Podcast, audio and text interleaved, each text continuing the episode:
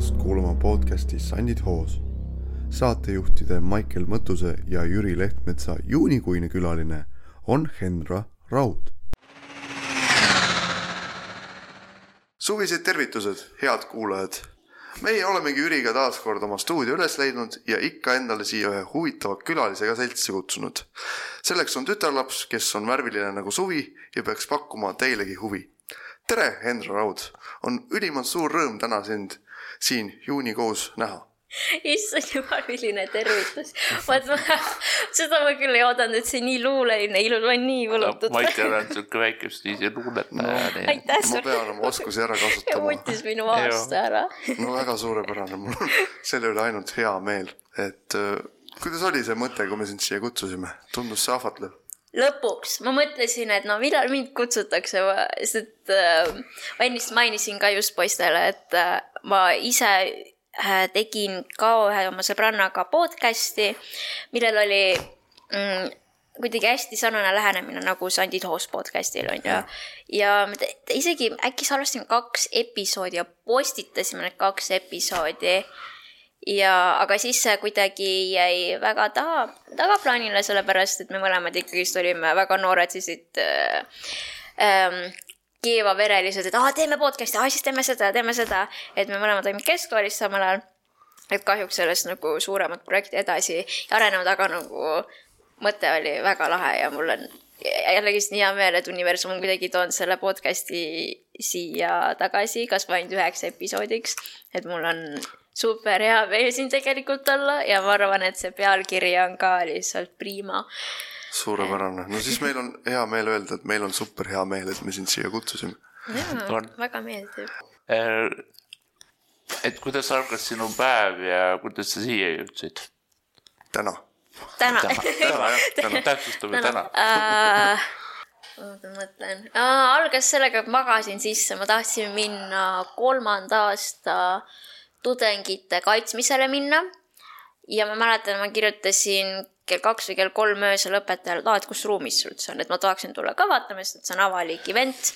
aga siis äh, ma magasin täiesti sisse, nii et see on see, kuidas mu päev hakkas, mõtlesin, et okei okay,, Hendrik, ei ole hullu sina ei kaotanud põhimõtteliselt sellest midagi, aga see on see, kuidas mu päev hakkas sissemagamisega um, ja siis ma arvan, et ma lihtsalt chill isingi, valmistasin, mõtlesin oma veits suveplaane. ma olen väga ülemõtleja, ehk siis ma mõtlesin kogu viie aasta plaani peale ka juba, et noh, ma rahu ei saa. ma ei tea, kui hea see on, et sa mõtled üle, no selles mõttes see on hea, et sul kuidagi ükskõik, mis sa teed background'il, sul peas kogu aeg käib mingi plaanitsemine on ju, sepitsemine, aga eks see on natuke vist nii-öelda meiesuguste kutsehaigus, et sa pead mõtlema, üritad spontaanne olla, siis. Mm -hmm tavaliselt kipuvad need asjad pekki suht minema. et ettemõtlemine käib asja juurde. see on, see on jah, selles mõttes see on hästi hea omadus, sellepärast et sa võid nagu ühe koha peal olla, aga sa mõtled, sa teed juba nii palju plaane, sa mõtled nii palju lahendusi juba välja, et sa kuidagi eeltöö teed nagu alati ära mõtlemisega, et mul on nagu kogu aeg huvitav endaga, sest et ma mõtlen, et äh, ma veits lähen oma lapsepõlve aegadesse tagasi, siis äh, noh, mobiilsus oli ju väga nõrk külg minust, et ma ei mm -hmm. saanudki liikuda, siis sa pididki koha peal või noh, ükskõik kus sa ka siis ei olnud, ma ei tea, istusid ühe koha peal tundide viisi, sest liikumisvõimalusi ei olnud. aga sellegipoolest kuidagi aju kohaneb keskkonnaga ja ma ei mäleta, mul ei ole, ma arvan, elus tänu sellele olnud ühtegi momenti, kus mul on igav olnud, sest alati mul on mingid mõtteained või materjali, ma mõtlen mingeid lugusid välja, et selles mõttes see loovus on ka sellest tulnud, ma arvan. et sellel kurval küljel on ka nagu hea külg. vaata, kus lops, Jüri, vaata kui vanad meie sinuga oleme ja me pole vist kordagi mõelnud, et meie loovus ja loomingulisus võib olla siuksest asjast tulnud, mina vähemalt ei ole no ise natuke ikkagi oled, et et lihtsalt loodus sunnib, et sa pead kasutama mm -hmm. seda, mis sul on. seda küll, väga, väga huvitav. no näed, aga sa ikkagi jõudsid täna siia sisse, sisse magamine või mitte. jaa, mõtlesin, et ma jõuan viis minutit hiljem, aga vaata üllatasin ennast. tubli, sa oled väga tubli Mm -hmm. ja seda suurem rõõm on küsida minul sinult järgmine küsimus. selgita oma sõnadega oma puudelisuse olemust um,. Mm -hmm ma võin äh, seda selgitada perspektiivist, kui nii-öelda inimene, kellel ei ole füüsilist puuet, ehk siis kui sa vaatad mulle peale, siis sa näed, et ma olen ratastoolis ja et pigem mul käed ja jalad kipuvad olema peenikesemad, ehk siis võib teha järelduse, et no lihasmassi ei ole väga palju seal. Bodybuilderist minust ei saa um,. aga selles mõttes ma ei ole ratastoiss sellepärast, et minuga juhtus mingi õnnetus või haigus, selles mõttes haigus on selle põhjus, aga minu SMA haigus alati ei tähenda seda, et sa lõpetad ratastoolis või sa pead mingi hetk liikumiseks ratastooli hakkama kasutama või abivahendit, see, et see võib olla ka täiesti käimisraam või mõned inimesed isegi ei jäägi absoluutselt ratastooli. aga kuidas mina kirjeldaksin ennast, et äh, vaim on hästi värske, aga minu vaim nii-öelda nagu tirib mu keha järgi, mis, mis noh, elab täiesti oma elu, ütleks, energia ja jõu suhtes. et ma väsin hästi kiiresti ära, mitte mina, vaid minu keha ja vajab hästi palju sihukest taastumist um,. et minu haigus teeb minu kehale seda, et kogu aeg um, see läheb nullist sajani hästi kiiresti, et kui sa teed midagi, siis mõne minuti pärast tunned, nagu sa oleksid elu kõige raskema trenni just maha pannud, et käed kuidagi ei kanna enam, tulevad nii-öelda alt ära või sa ei saa toetada ennast kätele, sest et su käed lihtsalt ei vea, et see on sellest nullist sajani ülikiiresti. et õnneks ma olen, noh, ma taastun täitsa okeilt, et ma veits puhkan ja siis ma saan edasi oma eluga minna, aga jaa ähm,, pigem ongi see, et Äh, lihased hästi kiiresti väsivad ära ja mingi neli aastat tagasi äkki ma guugeldasin, et okei okay,, sest ma olen terve, ma ütlen ausalt, ma ei ole võib-olla kõige parem eeskuju, aga ma olen terve elu eiranud või ignoreerinud seda fakti, et võiks guugeldada, mis mu haigus tähendab, sest ma elan sellega iga päev, ma olen nii kõrini sellest, kes, ma ei viitsi mõelda sellest kogu aeg, onju mm. -hmm. Um, ja siis tuli välja, et aa, et tegelikult nagu need, kellel on see SMA tüüp kaks ehk siis mina äh, need ei ela nagu väga kaua siis ma mäletan, ma olin äkki mingi, issand, kas ma olin mingi kaheksateist või? kui ma guugeldasin ta haigust, siis oli aa, kaheksateist aastat üldiselt kõik surevad need SMA kahekad kohe maha onju, siis ma olin nagu aa, no okei okay. tore teada, äkki homselt ei näegi või. see on tegelikult enda puhul ka, et jube needus ausalt öeldes. et mina mõtlesin, et noh, et kui ma kolmkümmend nüüd ära elan, siis on hüüber-mega hästi mm. -hmm. ja nüüd ma olen juba kolmkümmend kuus ja siis ma olengi lõpuks otsustanud loobuda, et see pole teema, millega tingida nii-öelda mm. -hmm. et sa lihtsalt teed endast kõik oleneva, et, et võimalikult kaua püsida, aga see ei paina enam nii palju. aga nooremana see ikka painab ikka jõhkralt nagu. või noh, see on pigem võib-olla isegi see hetk, kui nii-öelda on see reaalsuse kohale jõudmine, et sinu elu ja sina oled teistest erinev, et on isegi seda kogetud, see oli, see oli omaette pool aasta mm. et äh, jah, eks sellel on me, meile siiski vaata omad mõjud, et me võime arvata, aga, aga sellegipoolest me ju toimetame ja tegutseme ja pole nagu. et jah, ei tasu sellele vist liiga palju mõelda ühel, ühegi asja puhul, et mis juhtub, see juhtub niikuinii nojah, nagu mingit sitta juhtub kogu aeg. Anyways, selles mõttes sa oled nagu lõpuks nii immuunne, et, et jaa, appi surm, mis iganes. tegelikult on nagu äh,, ma ei tea, ma olen, selles mõttes ma olen abi saanud, ma olen ravimit saanud, nii et ma olen nii, nii tänulik, sest äh, ma, ma olin seal tänuüritusel, Tartu Lastefondi tänuüritusel ja ma pidin nagu kõnet pidama, ma väga tahtsin seda kõnet pidada nende inimeste ees, kes olid nagu annetanud, aga kuidas sa ütled aitäh neile selle eest, et aa, et ma elan, sihuke tunne nagu ma võlgaksin neile oma elu. et see on see, kuidas, kuidas ma nagu panen selle võrdusmärgi, et kui palju, kui palju nad tegelikult on mu elu muutunud, muutnud. et et äh, ja, ja ma mõtlesin tegelikult tulles sinu Jüri juurde tagasi, siis äh, mõtlesin ka, et kui ma kolmekümnenda eluaastane olen, see oleks nagu ülivinge, aga siis keegi ütles mulle, et come on see tegelikult, sa oled ikka veel nii noor, et sa nagu ära mõtle sellele ja kindlasti sa elad nagu äkki ehk kauem. et äh, ma ei tea, ma, ma nagu vahepeal ikka vaata see kuskil peas tiksub, vaata loed aega. ikkagi, et, äh, et aga samas annab mõningas mõttes ka jõu taha, et yeah. et iga päev ongi nagu väärtuslik ja siin pole kuhugi lükata asju mm. -hmm. et, et, et kui mingi idee. ja ei ole aega passi, passida. et kui mingi idee tuleb, siis see tuleb kohe töösse lükata. ei ole mõtet mõelda, et kas ma, kas ikka tasub ja nii edasi, et no seal pole vahet ju eriti mm. -hmm. nõustun jah aga siis tuleb see moment mängu, kuidas, kui sa soovid seda kellegi teisega teha, aga teistel ei ole sedasama perspektiivi elul yeah. nagu sul.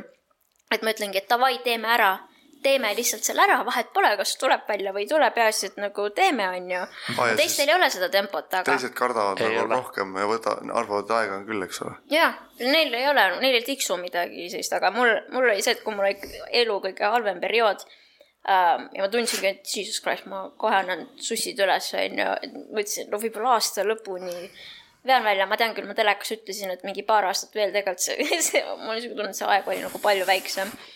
siis ma mm,. siis mul oli küll see, et ma nagu suutsin nagu peas lugeda üld-, noh, nii täpselt kui võimalik, et kui kaua ma veel siin nagu ilmas olen. et see, see pani mind ka tõesti väga palju asju tegema. Aga vaata, kui sa teed neid asju, siis sa mõtled, aa, see on võib-olla minu viimane kord, kui ma neid inimesi näen või, või mis iganes. et sa pead kuidagi see paneb sind sellisesse survival mode'i, et sa hakkad asju tegema ja sa teedki hästi palju asju, sul on kuidagi, võtad kuskilt X kohast selle energia, et teha asju.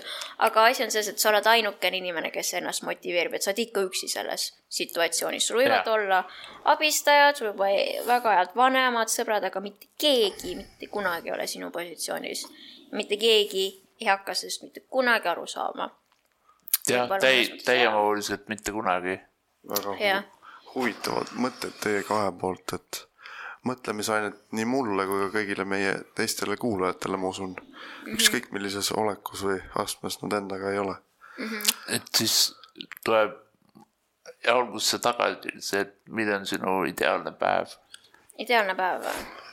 tead, ma ütlen, ma mõtlesin selle küsimuse peale Väga ja hea. ma arvan, et ma ei vasta võib-olla päris nii, nagu võib-olla see vastus peab olema sinu, sinule omane, siin pole õiget ega valet vastust. siin ei ole õigeid ega valet vastust. anna mingi mm., on sinu vastus. lihtsalt oma nägemuse mm.. ma arvan, iga päev on mul olnud ideaalne, sellepärast et ma armastan kaootilisust, ma armastan kaost, sest et see annab mulle nii palju uusi mõtteid, see paneb mind nii palju uutesse situatsioonidesse ja selles mõttes ma olen, ma arvan, et ma mõnes mõttes olen õnnesärgis sündinud absoluutselt, et kuidagi, muidugi ma olen väga-väga palju selle nimel töötanud, et kõik, mis juhtub, ma võtan seda, et see juhtub minu kasuks. hästi suur mõttetee on olnud selle taga, et mm -hmm. enda aju treenida ja programmeerida sellisesse mõttelaadi. aga ja iga päev on minu jaoks väga hea päev, ütlen ausalt, eile oli sitt päev mul, mul, mul ei ole muidu mul ei ole nagu halbu päevi, ma ütleks, just sellesama mõttelaadi pärast, aga eile ma ütlen ausalt, absoluutselt see päev ei meeldinud. no aga seda tuleb ju ette tegelikult kõigil, see on normaalne ah,. see on normaalne jah, aga sellegipoolest äh, vahepeal inimemotsioonide kogemine mul ei ole mulle ei meeldi, eriti negatiivsed um, aga jaa, aga sellegipoolest see päev õpetas mulle nii palju inimeste kohta, elu kohta, enda kohta, et iga päev ma muutun sisemiselt nii palju igapäevast, ma iga päeva nagu sunnin ennast õppima igast asjast ja nii-öelda kohanema keskkonnaga, ehk siis iga päev on ideaalne minu no, jaoks. sest et mul ei ole ühtegi päeva üldiselt, kus mul on igav, et kui mul hakkab igav, siis see tähendab, või noh, ma vist enne ütlesin, et mul ei ole mitte kunagi igav, aga kui ma tunnen, et ma otsin midagi uut enda ellu, siis ma anyway mõtlen midagi välja et mm -hmm. nagu anyway tuleb mingisugune lahendus, olgu siis selline, nagu sa lootsid või mitte, aga alati tuleb midagi, et, et sellepärast nagu ma ei tunne, et ma pean muretsema, et kuidagi seisma jääb mu elu või kuidagi igavaks läheb. alati no, on midagi. väga hea, aga ma küsin sult järgmise küsimuse. kust sa võtad oma power'id, sa natuke nüüd seletasid seda meile, aga äkki sul on mingeid algeid veel peale mm -hmm. elu ja selle paratamatuste ah,. kuna ma hetkel tunnen ennast täiesti terve inimesena, nagu ausalt, mul on siuke tunne, et see ravim on nii palju aidanud, et äh, ma lihtsalt olen, ma olen nii elav praegu, ma arvan, et see on üks ma nii-öelda tunnen, et ma õitsen igatpidi kehaliselt, vaimselt, et kuidagi ma rõkkan nagu elujõust um,. et ma arvan, et see ravim on üks minu suurimaid power eid, aga tänu sellele, et mul on nüüd aega elada ja ma ei pea paanitsema selle pärast, siis ma olen kohtunud nii paljude ilusate inimestega, et ma käin sellises koolis, kus on juba inimesed koos, kes tahavad teha, kes tahavad teha, koos olla kes tahavad eh, nii-öelda elust absoluutselt maksimumi võtta, et eh, nemad on andnud mulle väga palju power'it. Ja läbi selle ma olen ise väga palju õppinud neilt, et ma oskan selle enesekindluse endale luua, et ükskõik kuhu ma ka ei lähe, ma alati nagu tutvun kellegagi ja kuna ma olen ekstravertne inimene üldiselt, siis äh, või noh, ma ei tea, kas ma olen ekstravert, aga ma nii-öelda, teised inimesed annavad mulle energiat, siis äh, pidevalt nagu kohtun uute inimestega ja network in ja kuna nendel on ka omad head tutvused, siis äh, alati kuidagi sa vead mingi ühise keele, et midagi koos lahedat teha. Sest see on jah, see hästi oluline on see network imise võime, et ja just see, et äh, olla endast üle, et võib-olla antud päev tegelikult emotsionaalselt sa pole võib-olla nii elav olnud või nii edasi mm, -hmm. et siis sa ongi, sul peabki, lähed puuli nii-öelda sinna kohtuma või rahva sekka, sul peab suutma mingi kliki ära teha, et sa no. oleksid võimeline nagu võimalikult hästi nagu suhtlema või kuidagi nii. ei no see sandielu ongi selline, et sa, sa pead oskama hästi kommunikeeruda, et sest et sinu sa, sa lihtsalt ei ela. ega mingeid muid variante sa ei saa muidu elada ju. näiteks ma soovin et sa oled sõltuv mõningal määral nagu teiste abist ja, ja sellest võimest, siis sa sinu suurim trump ongi see, et sa selle abistamise võimalikult meeldivaks üritaksid teha mm.. aga no mitte päris lipitsedes, aga no ikkagi katsudes nad ikka kena inimene olla, et muidu ma ise mõtlen, et, et just see tagajärg ka, et kui sa väga kehvasti nagu nende aitavate inimestega nagu käitud, siis see kandub nagu kogu sihtgrupile üle nii-öelda. no seda kindlasti. natukene, et, et, et ma ise, mulle meeldib ikkagi see nii-öelda vastutus võtta, et, et kui sa, et, et sinust sõltub ka, et sina oled üks mutter kogu masinavärgis nii-öelda. Mm. Ja ma mõtlen, et äh, see, see klikk, millest sa rääkisid, mis sul peab ära käima, kui sa lähed nii-öelda rahva sekka, et samamoodi kui ma üritan, mitte ei üritagi, vaid ma sõidangi ühistranspordiga, siis ma, mul ei ole seda, lihtsalt lähen bussi peale, ma pean kõigepealt lehvitama bussijuhile ja siis võib-olla ta nägi mind, võib-olla näinud, võib-olla ja vahepeal ma ei saa aru, kas ta nagu sai aru, et ma tahan peale, siis nad lihtsalt vaatavad sind kui kummitust siis sa oled sinna kabiini juurde ja sa lehvitad uuesti, oled nagu tere, sooviksin äh, peale tulla, palun tulge tehke ramp lahti. siis sa pead nagu kogu aeg hästi kuidagi valmis olema, et rääkima ja sa pead mm -hmm. olema kogu aeg see täiskasvanu selles situatsioonis. ja no ühistranspordis mm -hmm. eriti, et siis seal on kahte moodi, et mõne puhul saad nagu siukse toredusega hakkama, aga mõnega tuleb ikka mm. konkreetselt jah, ennast kehtestada, et. et kuidas, kuidas kunagi, kunagi nende. et kui sa nüüd peale ei aita, siis on, siis läheb sul jamaks nii-öelda mm,. mul on sellega täitsa ajalugu ja selle ühistranspordiga, et ma olen palju läbi elanud seoses sellega. aga jah, siis äh, peale selle, kui sa üritad bussile selgeks teha mingi paari sõnaga, sest et aega on ju nii vähe neil, et äh, ma soovin tulla peale siis sa, pead minema sinna bussi keskkohta, on ju, kus ramp nii-öelda võetakse lahti, aga siis on see, et alati kogu buss vaatab pealt seda.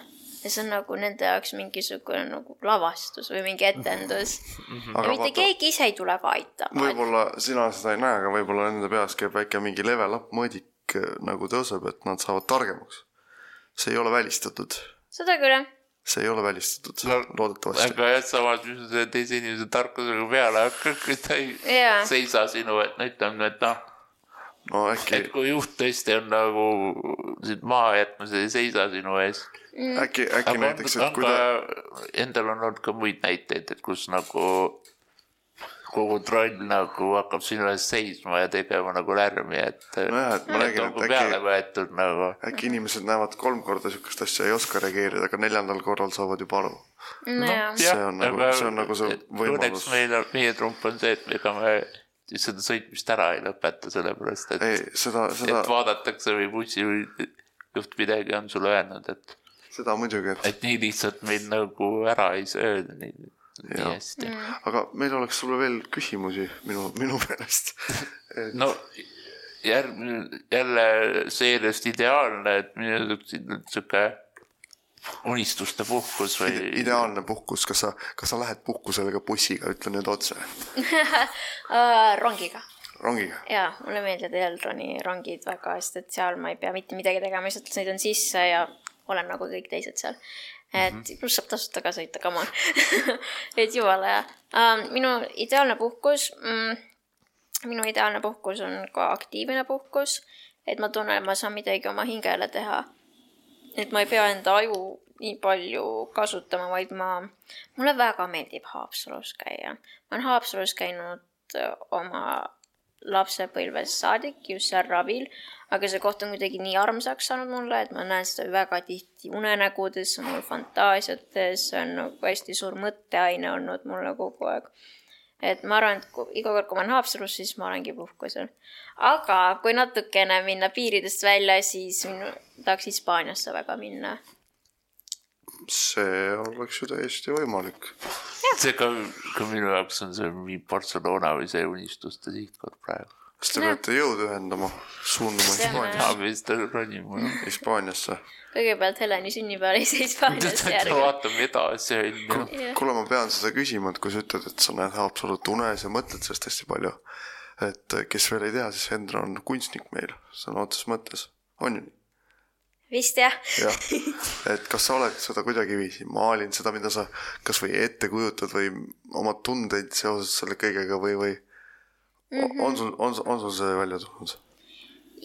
jaa, või selles mõttes, et mul väga harva tulevad mingid maalid täpselt nii välja, nagu ma peas näen. no see on ikka asjaga nii, vaata saate ja. tegemisega on ka nii.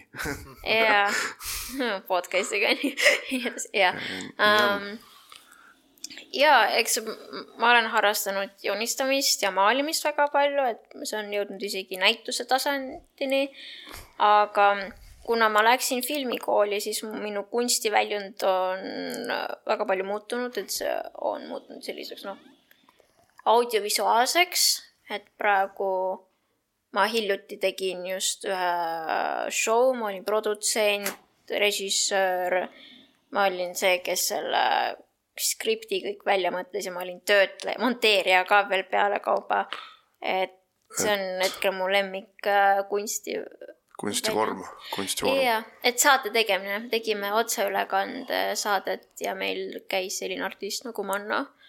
ja ta jäi mm -hmm. mulle väga silma sellega, et kui avameelselt ta räägib kõigest ja kui ausalt ja mul esteetiliselt ta ka nii õudselt meeldis, mõtlesin, et ta, see läheb nagu nii sellega kokku, mida ma suudaksin teha siis me tegimegi mm -hmm. sihuke entrance performance'i, siukse väikse šokika. kas seda, seda saadet saab kuskilt näiteks järgi vaadata? jaa, saab küll, ma loen selle varsti üles, aga Tallinna Ülikooli Youtube'i kontolt saab vaadata BFM Talks X Manna Uh, et sealt saab meie saadet vaadata, et see on ikkagi tudengiprojekt, et ärge nagu hullult kõrgele pange oma otsa. kindlasti aga, mitte, aga. aga mis on hästi oluline, et inimesed tulid kohale äh, siis sa saad selle õige elamuse kätte, et live stream on selle jaoks, et seda jäädvustada ja portfoolio jaoks panna ja harjutada muidugi ka live stream'i on ju. -hmm. aga ja eks, eks me tegime siis, on ju, entrance performance, eks sihuke šokika, et kutsusime inimesed sisse siis oli juba sihuke, sihuke imelik muusika, on ju.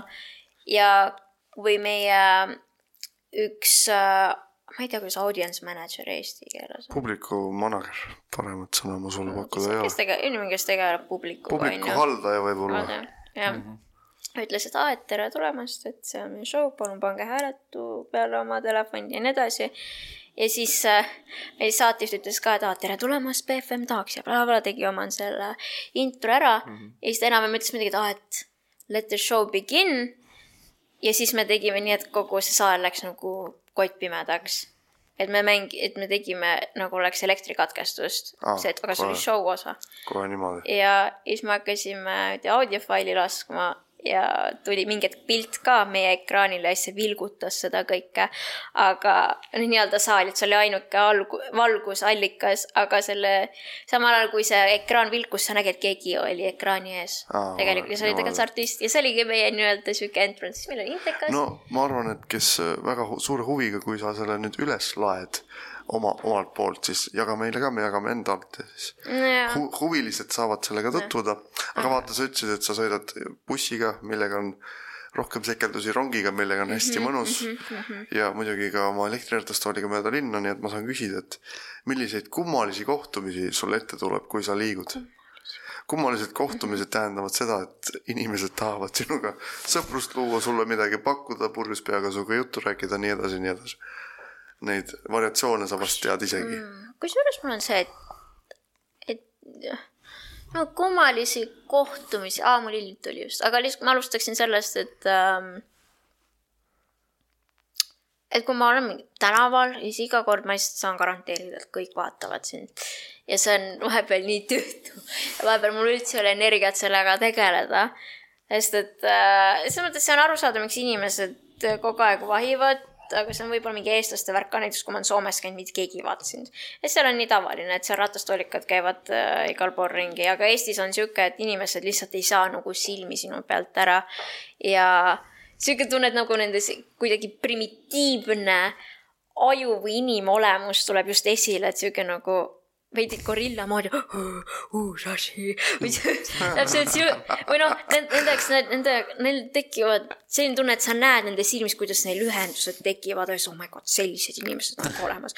et nad ei olegi mingi kodus luku taga, vaid täitsa haige. et see on nagu, see on nagu kummaline. aga see on tehtav ja siis ma mõtlesin, et tead, ma annan nagu põhjuse neile tegelikult vaata, et sellepärast ma mingi vahepeal no see oli küll stiili ähm, nii-öelda otsus ka, et ma värvin ta juuksed roheliseks, mis helendavad, on ju, pimedas või värvi, disainin oma ratast või käin kuidagi lahedalt riides, et see, see on nagu, ma hakkasin niimoodi riides käima, siis ma tundsin, et see on nagu see tõeline põhjus, miks nad võiksid vaata mind vaadata. ja aga kui ma näiteks, issand jumal, käisin, tavaliselt ma olen nii palju bussiga käinud, et mul on nii ükskõik, et äh, ma ei tea, ma kannan päikseprille, panen kõrvaklapid pähe, mind ei huvita, onju et ma kuidagi niimoodi, siis ma nagunii tean, et see tõmbab tähelepanu, et kõik, mis ma teha saan, on lihtsalt kommunikeerida. Ja ma ei tea, isegi kui see bussijuht absoluutselt ei vasta sulle midagi, isegi tere peale ei ütle midagi, siis jumala ükskõik. vot see ongi see põhimõte, et noh, mina olen ka seda teinud, niikuinii inimesed vaatavad, siis ma käingi hästi riides, et see on minu kaua, kauamärk nii-öelda, et et äh, tühja, tühja kah, eks ole, et las las siis ollagi nii. Ja Jüri, sinu raamatus ma mäletan lauset, et sul oli seal keegi tähtis eeskuju, kes olevat öelnud, liikumispuudega inimene peabki välja nägema nagu komm.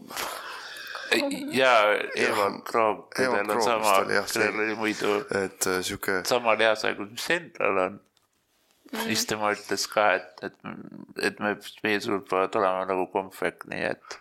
jah, et. et ka... kõik tahaksid endale seda saada, nii et. ära, ära kindlasti loobu sellest kommiks olemisest, et see annab sellele elule selline, nagu ta on, annab veel lisavõlu ja vunki juurde, et see tuleb ainult kasuks. aga see kummaline kohtumine ähm,. mäletan, et ma tulin kuskil peolt koos, isegi on nii kell üksteist õhtul või tulin mingi koosolemiselt koju oma sõbrannaga ja meil oli bussi vaja kasutada, me olime kuskil, ma ei tea isegi, kus me olime, me olime täiesti X kohas. Äh, ja ühesõnaga, meil oli bussi vaja kasutada, et koju jõuda, jõudsime bussijaama niimoodi, et Google Maps näitas, et sa pead minema läbi noh, otseteed pidi saad mingi viie mittaga siin, aga seal oli sihuke äärekivi, nii et mul no way, et ma saan sealt üle, talv oli ka, ma ei hakka lumest läbi minema, nii et meil läks kokku kakskümmend minutit, et sinna jõudes pidime mööda maanteed tulema ja mm, -hmm. ja seiklus omaette.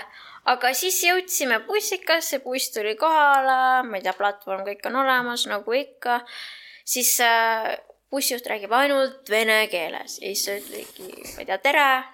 Üritad näidata näpuga, et jah, et platvormile sooviks on ju. ja siis ta tuleb välja näitab platvormi, ütleb, et nii robot töötab või mis, ma olen nagu, kuidas ei tööta jah. ei, ei, aga siis ma olin nagu, et äh, mis mõttes sa teed lihtsalt lahti selles, ei käi nupust ega midagi.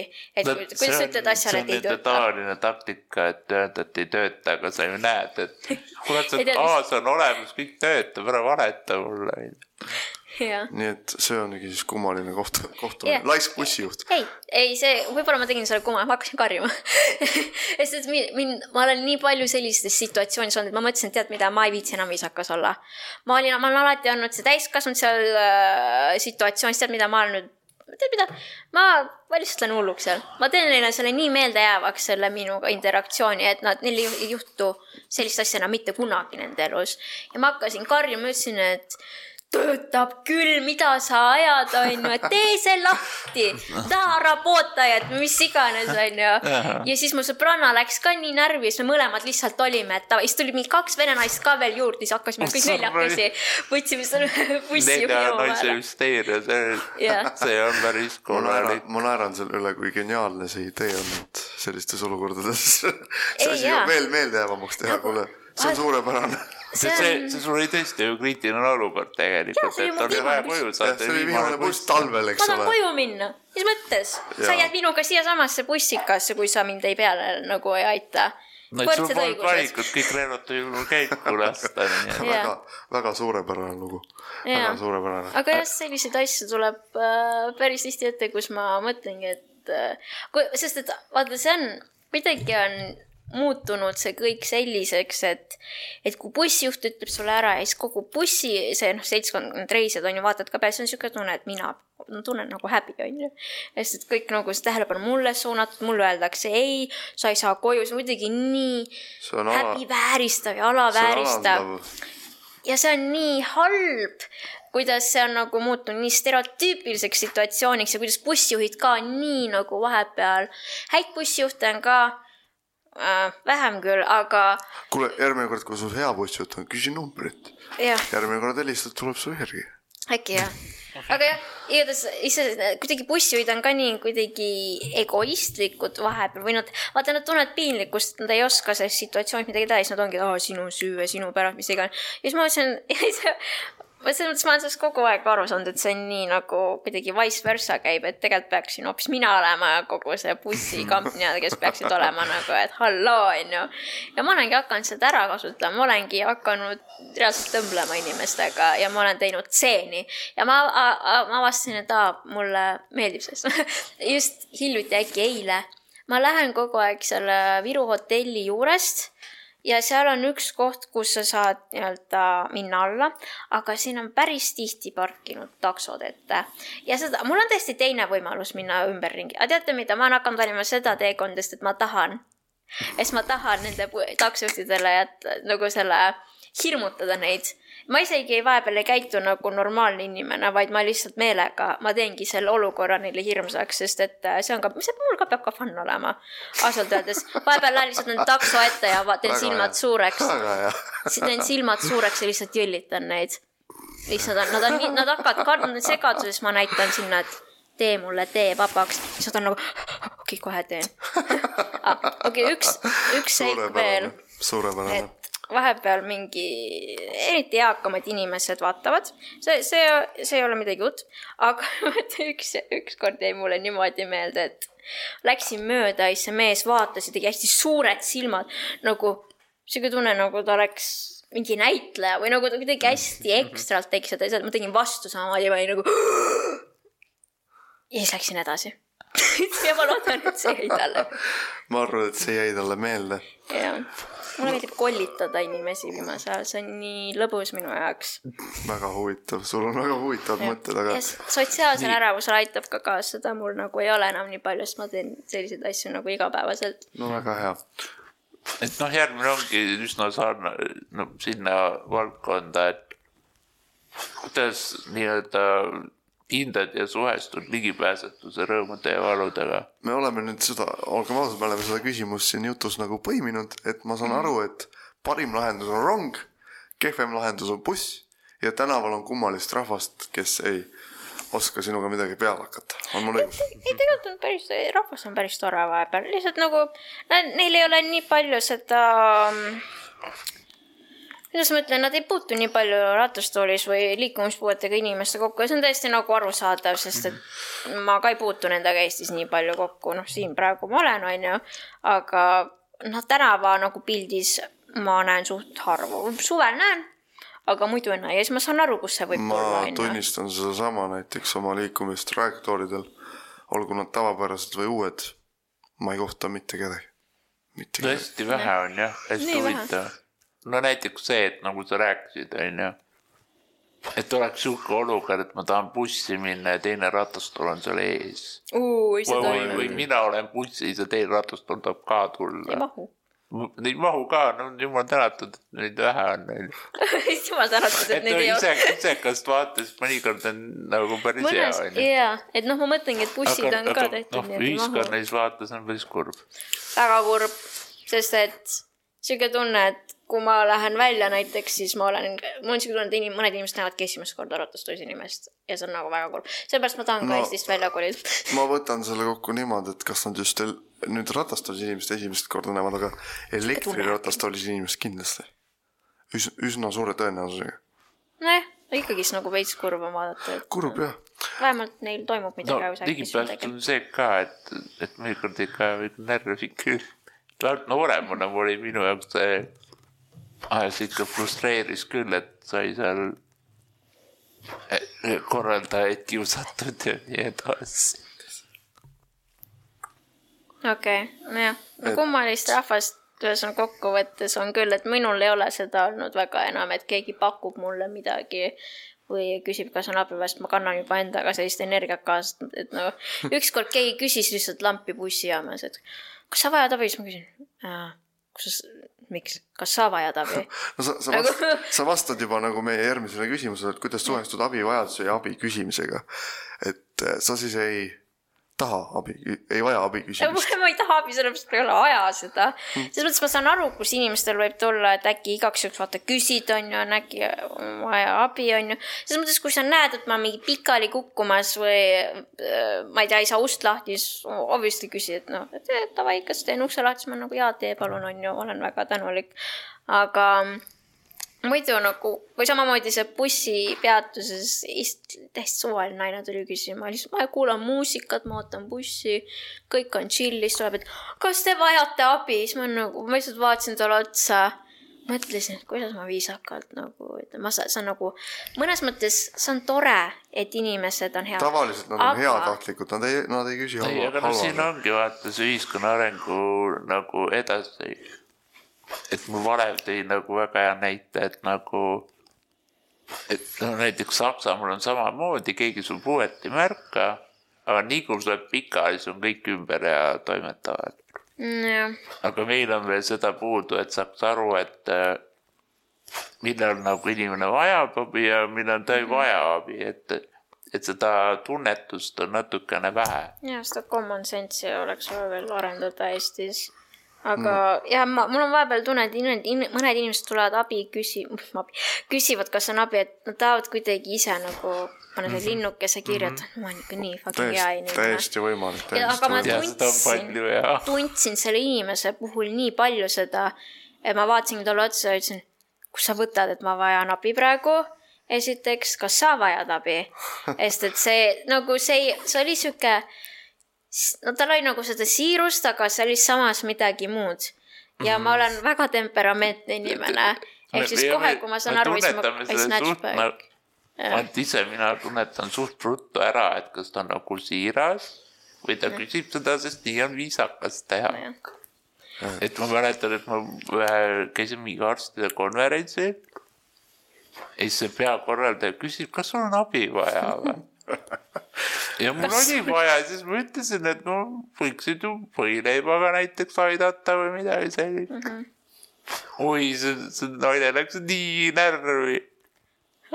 see paanikas tahtis minu abistamise delegeerida mingi garderoobi inimesele ja aidake teda, aidake teda, mul on kõne, et panin täie pasaga nurga taha kuhugi. okei, okei. et ta mõtles, et viisakus on küsida, et kas sul on abi vaja, aga, aga, aga mina ei talu selliseid inimesi, ma panen neile kohe siis siis kohe leiad mingi asja, milles abi vaja on. selles mõttes, et kui mingi kena noormees tuleb minule ja küsib, kas abi siis muidugi ma vastan jaa küll, aga ma ei tea, veel ei tea, millega mul abi on vaja. ma mõtlen, aga küll ma midagi välja mõtlen, ära muretse väga hea, vot, vot kenad noormehed, no Jüri, küsi sina siis, annad saate kõige ilu, ilusam küsimus ära. et äh, keda ja mida sa armastad? ma armastan oma ema ma armastan oma perekonda metsikult mul ei mahu see südamesse ära, kui palju ma neid armastan. ja ma armastan neid inimesi, kellega ma olen ümbritsetud, need on nagu mu seltskond väga muutunud ja ma armastan seda, kui toetavad me oleme üksteise suhtes mm,. ma armastan oma sõbrannasi väga, sest et ne, ja sõpru, sest et nad on mind nii palju aidanud, eriti nagu viimastel aastatel, kui ma olen minu elus on väga palju muutunud, siis on mul tekkinud uued inimesed ümber, kes nagu, kes lähevad nagu um,, lähevad nii-öelda läbi sellest väga sarnasest muutusest, aga igatahes me oleme nagu kõik nagu koos. ja ma väga armastan inimesi, kes mu ümber on äh,, igaühte omamoodi, aga mida ma armastan no sa ei, sa ei pea, sa ei pea tingimata selle. üritasime nii-öelda anda võimaluse vastamiseks. võimalus vastamiseks, et kui sina vastad niimoodi, siis see ongi sinu vastus mm,. ma armastan, ma arvan lihtsalt üleüldiselt elu, mulle meeldib, kui, kui ettearvamatus on mõnes mõttes, ma armastan seda, kui isegi kui juhtub kõige halvem asi maailmas, siis mulle, ma ei tea, miks, aga mulle meeldib, sest et see on kuidagi nii inimlik kogemus. ja kuidagi ma tunnen, et sellest saab mingi väga hea loo kirjutada või et ma olen, ma olen nii tänulik, kui näiteks koolis ka mul läheb midagi halvasti, siis kellelgi noh, ka näiteks kaotavad ka mingi arvutis mingi väga suure töö ära, mida nad on töötanud või midagi, sest et issand nagu jaa, mul juhtus ka, see on kuidagi nii inimlik ja ma tunnen end nii palju vähem üksinda siin maailmas. et ma armastan üleüldiselt jah, nagu seda kuidagi, see, kuidas, see mehaanika, kuidas universum töötab väga hea, väga hea, suur, suurepärane vastus sellele küsimusele. mina hüppan nüüd skaala teise otsa ja küsin, et mis sind pahaseks teeb või vihale ajab? ma arvan, et ma natuke vastan juba. Need bussijuhid, kes räägivad ainult vene keeles.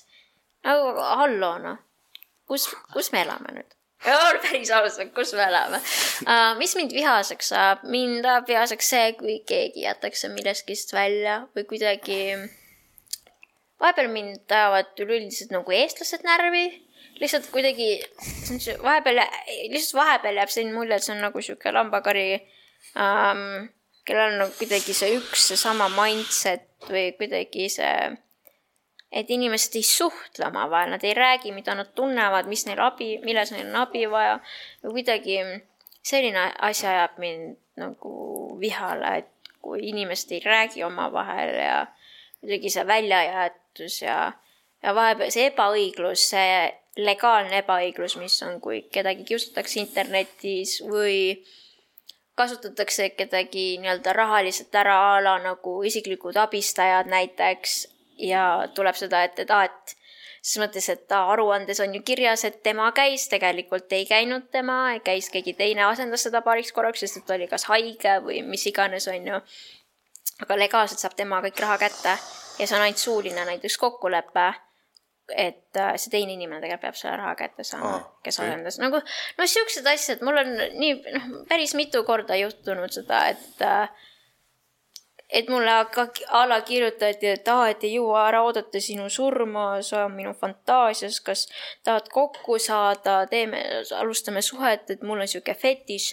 sõna otseselt ütleski mulle, et ma ei jõua, noh, ma tean, et sa sured varsti ära. ma mäletan seda juhtumit, ma ja. nägin ka seda ja et... ja see on täiesti legaalne asi ja, ja illegaalseks muutub siis, kui sina avalikustad äh, teda nii-öelda ah,. ja hoiatad illega... teisi ja ütled, et aa, et see on halb. see on illegaalne, aga tema käitumine ei ole. täiesti perfektselt legaalne seaduse silmis ja siuksed asjad ajavad mind mm -hmm. nii nagu. ebareaalne idiootsus täiesti ja no. nagu kui sa tead, et inimesel on nagu vaimsed probleemid ja ta on nii palju nagu, teda on politseisse antud, mis iganes, nagu nii mitmed inimesed, aga praegu hetkel sa ei saa neid mängu tuua, sest need on hoopis teised case'id ja, et sa, sa ikkagi sa, nagu sul ei ole nagu nii-öelda, sa ei tohiks nendest teada. jah, et sa noh, kui sa lähed kohtusse, siis võib-olla midagi tuleb välja, aga mm. -hmm. aga üldiselt see on ka, kõik on hästi, kõik on rahas kinni põhiliselt. see ajab ka mind närvi, et äh, kuidas isegi no, see parat, paratamatult me elame kapitalismis, sellega no,, sellega on nii nagu on. et no. nagu on öelnud Winston Churchill, ega siin paremat varianti pole veel leiutatud, nii et mm -hmm. peame yeah. peame sellega leppima.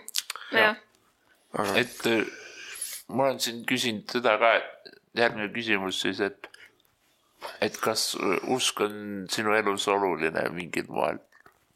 jah, see ei pea olema sihuke religioosne äh, mm. usk, sellist, ma arvan, inimene on loodud uskuma.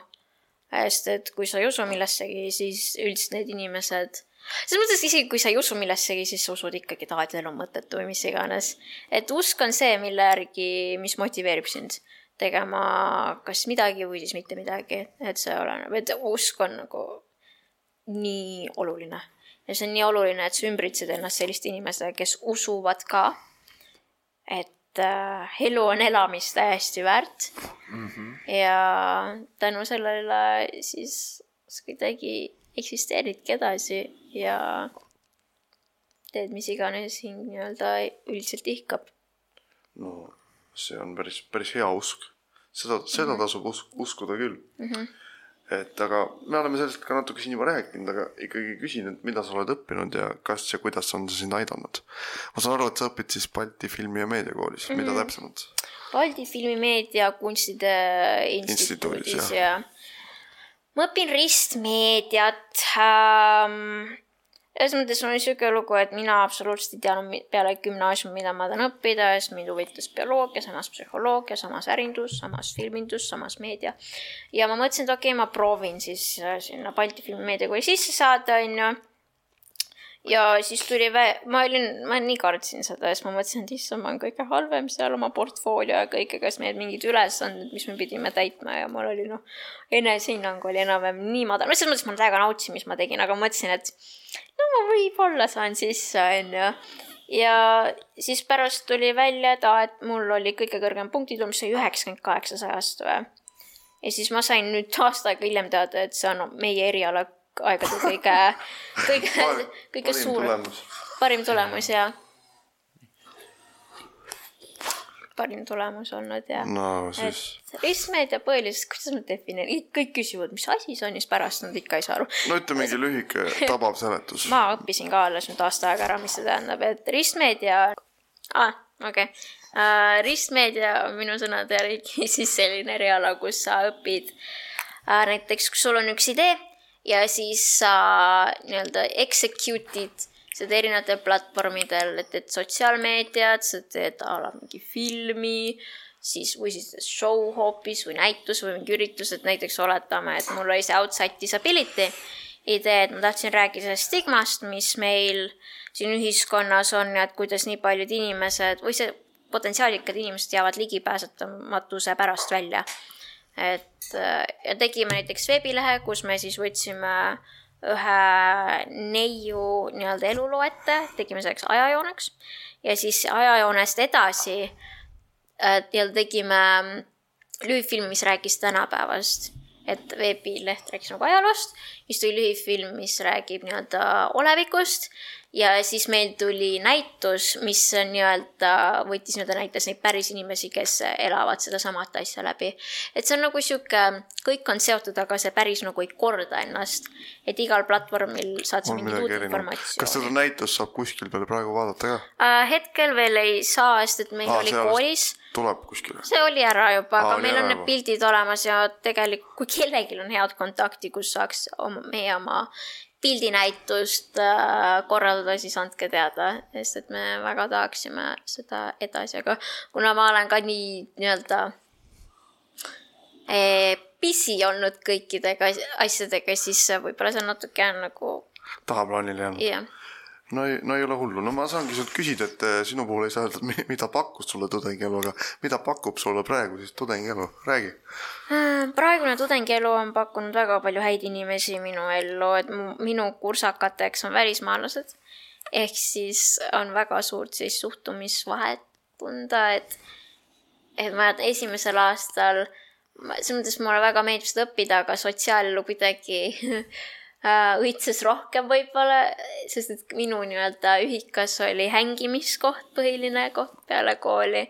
siis olime vahepeal seal neljakesi, viiekesi, kuuekesi, minu juures olid peod. et ma kuidagi olen õppinud seda, et aa, ma olen ka täiesti nagu nendega täiesti nagu võrdne inimene, ma olen nii palju õppinud nii-öelda iseenda eest äh, rääkima ja olema, siis teised on, kui ma olen rääkinud mingeid lugusid, aa, keegi ütles mulle nii või naa ja nad näevad, et ma olen kurb, siis nad on ka, et nagu, aga mis mõttes? et sa isegi ära isegi hakka mõtlema, et sa ei saa nagu nii-öelda able'ist olla enda vastu sa pead ennast, sa ei, nagu, sa ei saa kogu aeg teha mingit ratast või nalju, sellepärast aasta läheb peale ja sihuke stigma on ühiskonnas, et sa pead hakkama ennast ka rohkem austama mm. -hmm. et mõnes mõttes jah, muidugi, muidugi, kui sa oled seltskonnas, kus on nagu füüsilise puudega inimesed, ikka sa teed nalju ja värki. aga sa ei saa nagu igas seltskonnas seda teha, sest et sa paned enda staatusega nii palju allapoole tänu sellele et noh, nalja võib ikka teha, onju, aga lihtsalt liiga palju ka ei ole hea, sest et see et no see ei tohi olla sul mingi enda olemuse paremaks muutmise element on ju, et mm, -hmm. et läbi selle teha on nagu toredamaks või põnevamaks mm. -hmm aga jah, ma olen õppinud seda, et kui ma ei saa kuskil osaleda, mis on filmivõtetega hästi nii-öelda tavaline, siis ma olen õppinud seda, et ma teen ise, et samamoodi nagu ma tegin seda show'd, on ju, mul oli kakskümmend kolm inimest tiimis ja ma pidin kõike seda manageerima. ja ma olen õppinud läbi selle nii palju, et et, kui sa ise ei saa kuskil olla, siis sa teed ise, et sa ei tohi nagu ära jätta ennast välja või ära jää kuidagi nukrutsema, alati on mingi lahendus, seda on nii paljud teised ka motiveerinud, et kõik on võimalik. nii et kui siis küsida ka, järgmine küsimus, et mida sa oma eluga teed, siis sa oledki praegu aktiivne ja tegus üliõpilane, kes väljendab ennast igal võimalikul moel mm. ma tahaks hetkel praegune eesmärk on olla väga palju, noh, vabatahtlik mitmetel üritustel, et praegu. et ametlikku tööd sa ju nagu hetkel ei tee, sa oledki üliõpilane äh,. jaa, ma olen kandideerinud, aga noh, kui sa oled sant, siis üldiselt ongi veits raskem, sest et ligipääsetavuse nii pärast. nii ta on. Aga... et sellepärast nii mõnigi puudeline hakkab ise ettevõtjaks, et siis mm -hmm. saadki ja. nagu oma asju teha, on ju. täpselt, aga mul on see, et äh, või noh, liikumispuudega, mis ma olen üldse tähele pannud, et kui sa tahad mingit karjääri teha või tööd, siis sa pead kaks korda rohkem töötama kui tavainimene nii-öelda.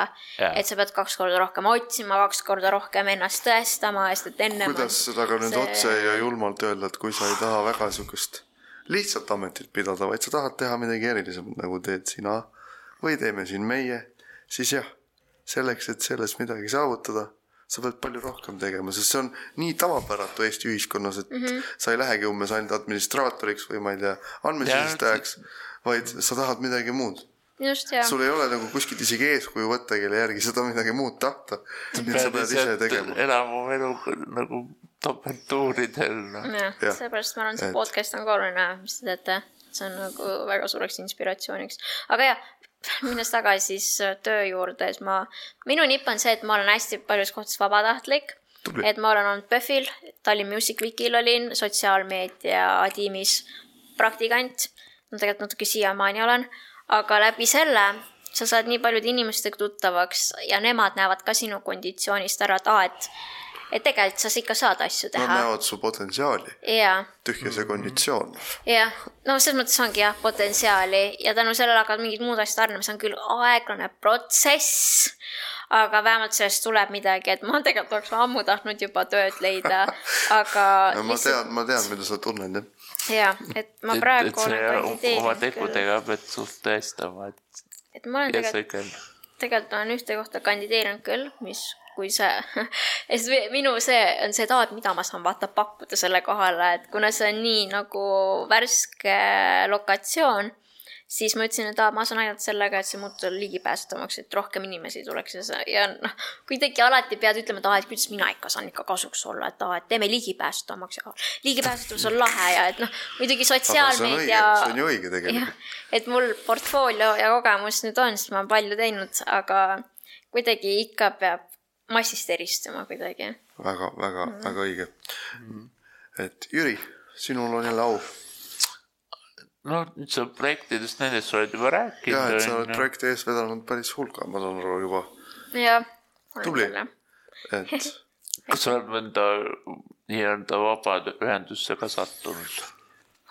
et sul muude to toimetustega oled toimetanud? no nagu meie oleme Jüriga, et mina olen Eesti Liikumispuudega Inimeste Liidus ja Jüri on oma. no Endre on ka tegelikult jah seltsis, aga. ma ka mingi liige minu meelest. sa kuskil oled.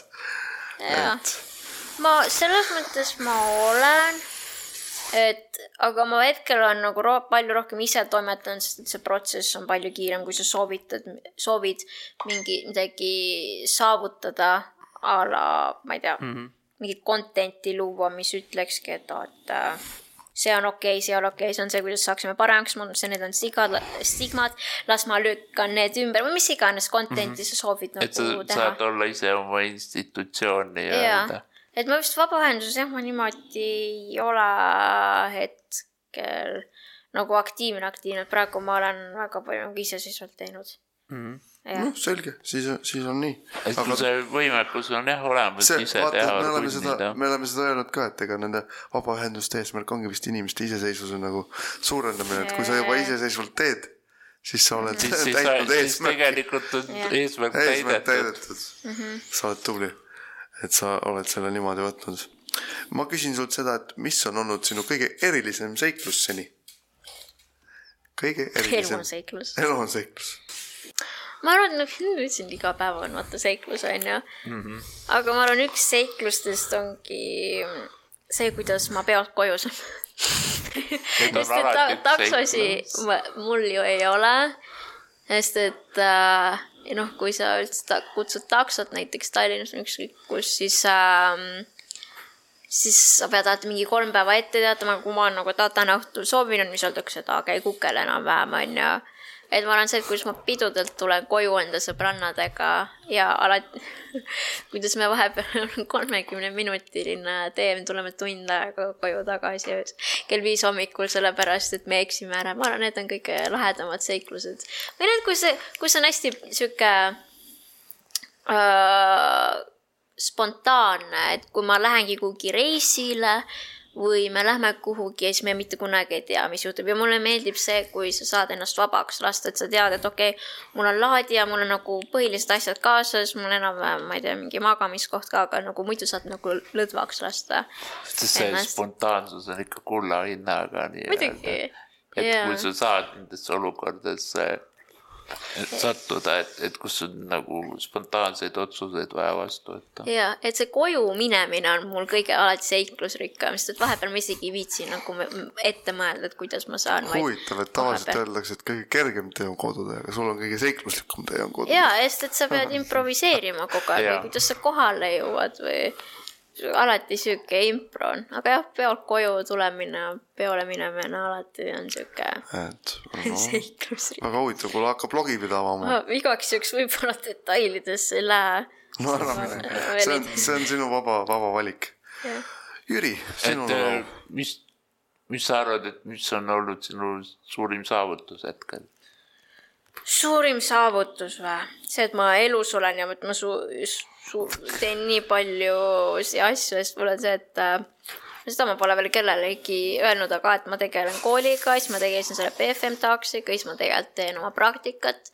et kuidagi minu suurim saavutus on see, et ma olen kuidagi nii palju üle sellest, kes, kes ma tundun nii-öelda inimesele, kes lihtsalt vaatab korra mu peale, heidab mm -hmm. pilgu, et ma olen nii palju enamat seda, ma olen nii palju seda endale tõestanud ka tänu nende inimestega, kes mu nagu juures on, kes nagu, aga ma arvan, suurim saavutus on see, et, et ma olengi tõestanud endale kõige rohkem äh, nii usutaval viisil, et ma usun seda teistele enda ümber, et ma olen palju enamat see, kui, mida inimesed näevad väljaspoolt, kui nad esimest korda minuga tutvuvad või näevad mind, et kuidagi ma olen sellise energiastaatuse saavutanud, kus ma lihtsalt nagu rõkkangi nii-öelda elujõust et või kuidagi sihuke energia, et aa, et elu peab lõbus olema, et ma ei peagi olema kogu aeg selline, mõtlema oma ratastooli mingi mõtteid või mis iganes, vaid ma nagu lähengi, lähengi kuhugi vabatahtlikuks, ükskõik. teen selliseid asju võib-olla, minu saavutus on see, et ma olen julge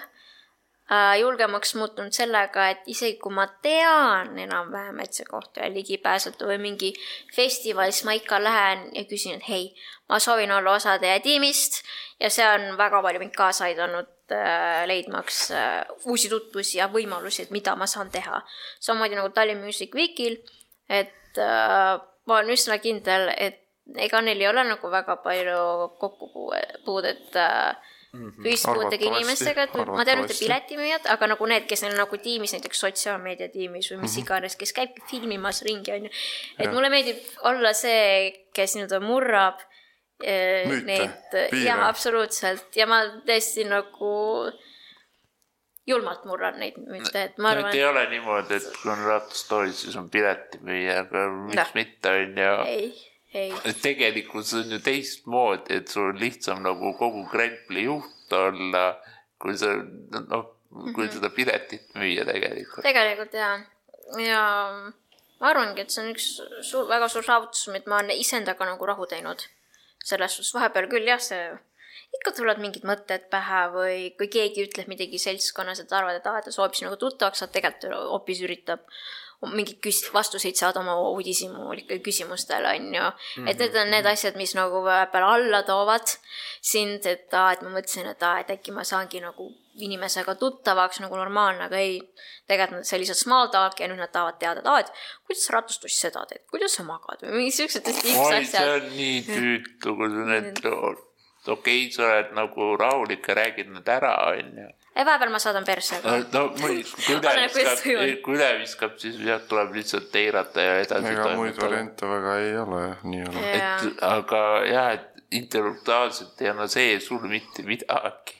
Ja, et üks inimene, ma olin ühel event'il, küsis mult, ma siin inglise keeles räägin, on ju, sest me rääkisime inglise keeles mm. küsis, et algul küsis, noh, niisama küsimus, küsis kõikide inimeste seas. Do you identify as a car? ja siis ma olin nagu ma hoidsin ennast nii palju tagasi. tõlkides seda siis, kas sa identifitseerid ennast autona? neli ratast ju. neli ratast ju. ma lihtsalt vaatasin, kõik inimesed vaatasid teda, andsid talle sellise nagu nasty pilgu.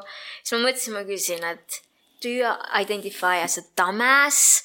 Või nagu, et äh, ja siis, ja siis ma nägin seda kutti veel ühe korra, siis ta ütles, et tšau, ma loodan, mäletan, et sa mäletad mind, siis ma nagu kuidas ma saan unustada inimest, kes küsib mult, et kas sa identifitseerid ennast kui autona hmm..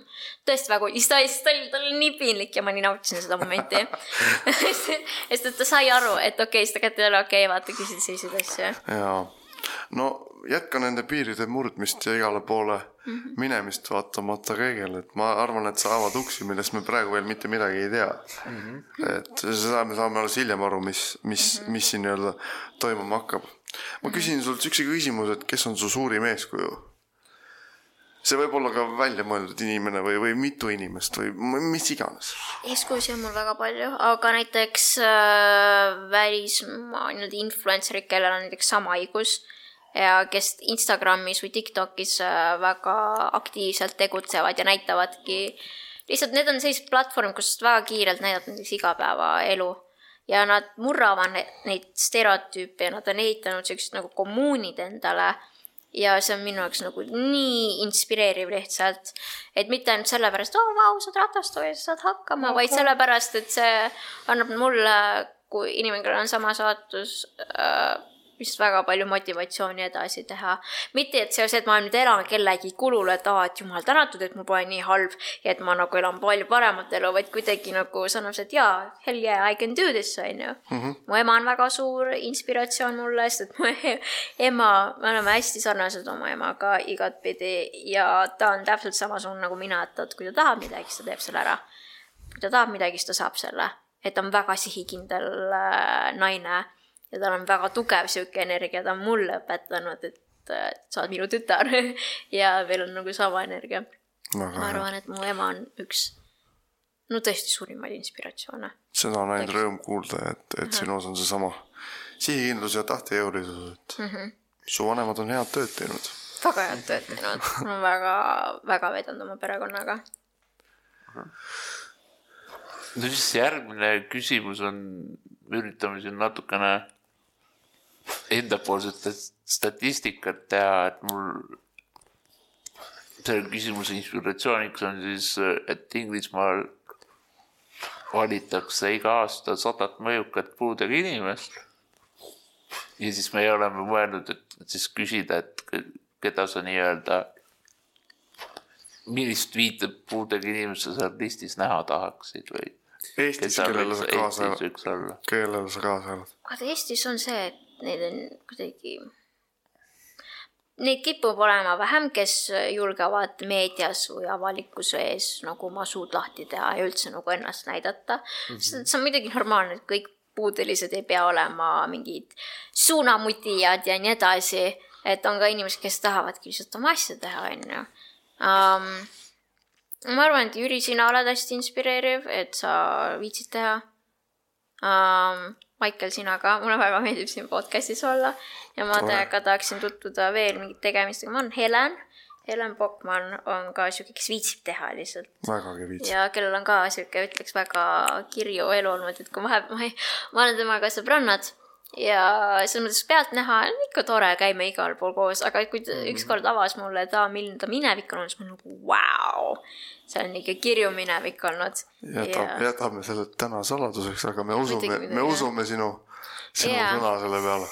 ja, et äh, inimesed, kes äh, julgevad olla Eestis nii ma, see ei ole mingi egoistlik asi öelda, aga ma inspireerin ennast iseendana, et vahepeal ma ise olen kas tuletad mõistlik. endale meelde, mis sa oled vaata teinud, et, et sa jaksaksid ka edasi, et ma olen kuidagi tahtnud selle endale missiooniks võtta, et just avalikkuses nagu rääkida sellistest asjadest, et aa, teeme ära ja siuksed asjad peavad paranema meie ühiskonnas ja nii edasi see on väga hea. no tore, tore on olla sinu, sinu viie inimese hulgas, ega, ega tõesti neid viite inimest on Eestis raske välja mõelda mm. -hmm. sest ega noh, mina ka ju näiteks noh, ma afiseerin seda saadet, aga ma ei afiseeri väga enda elu.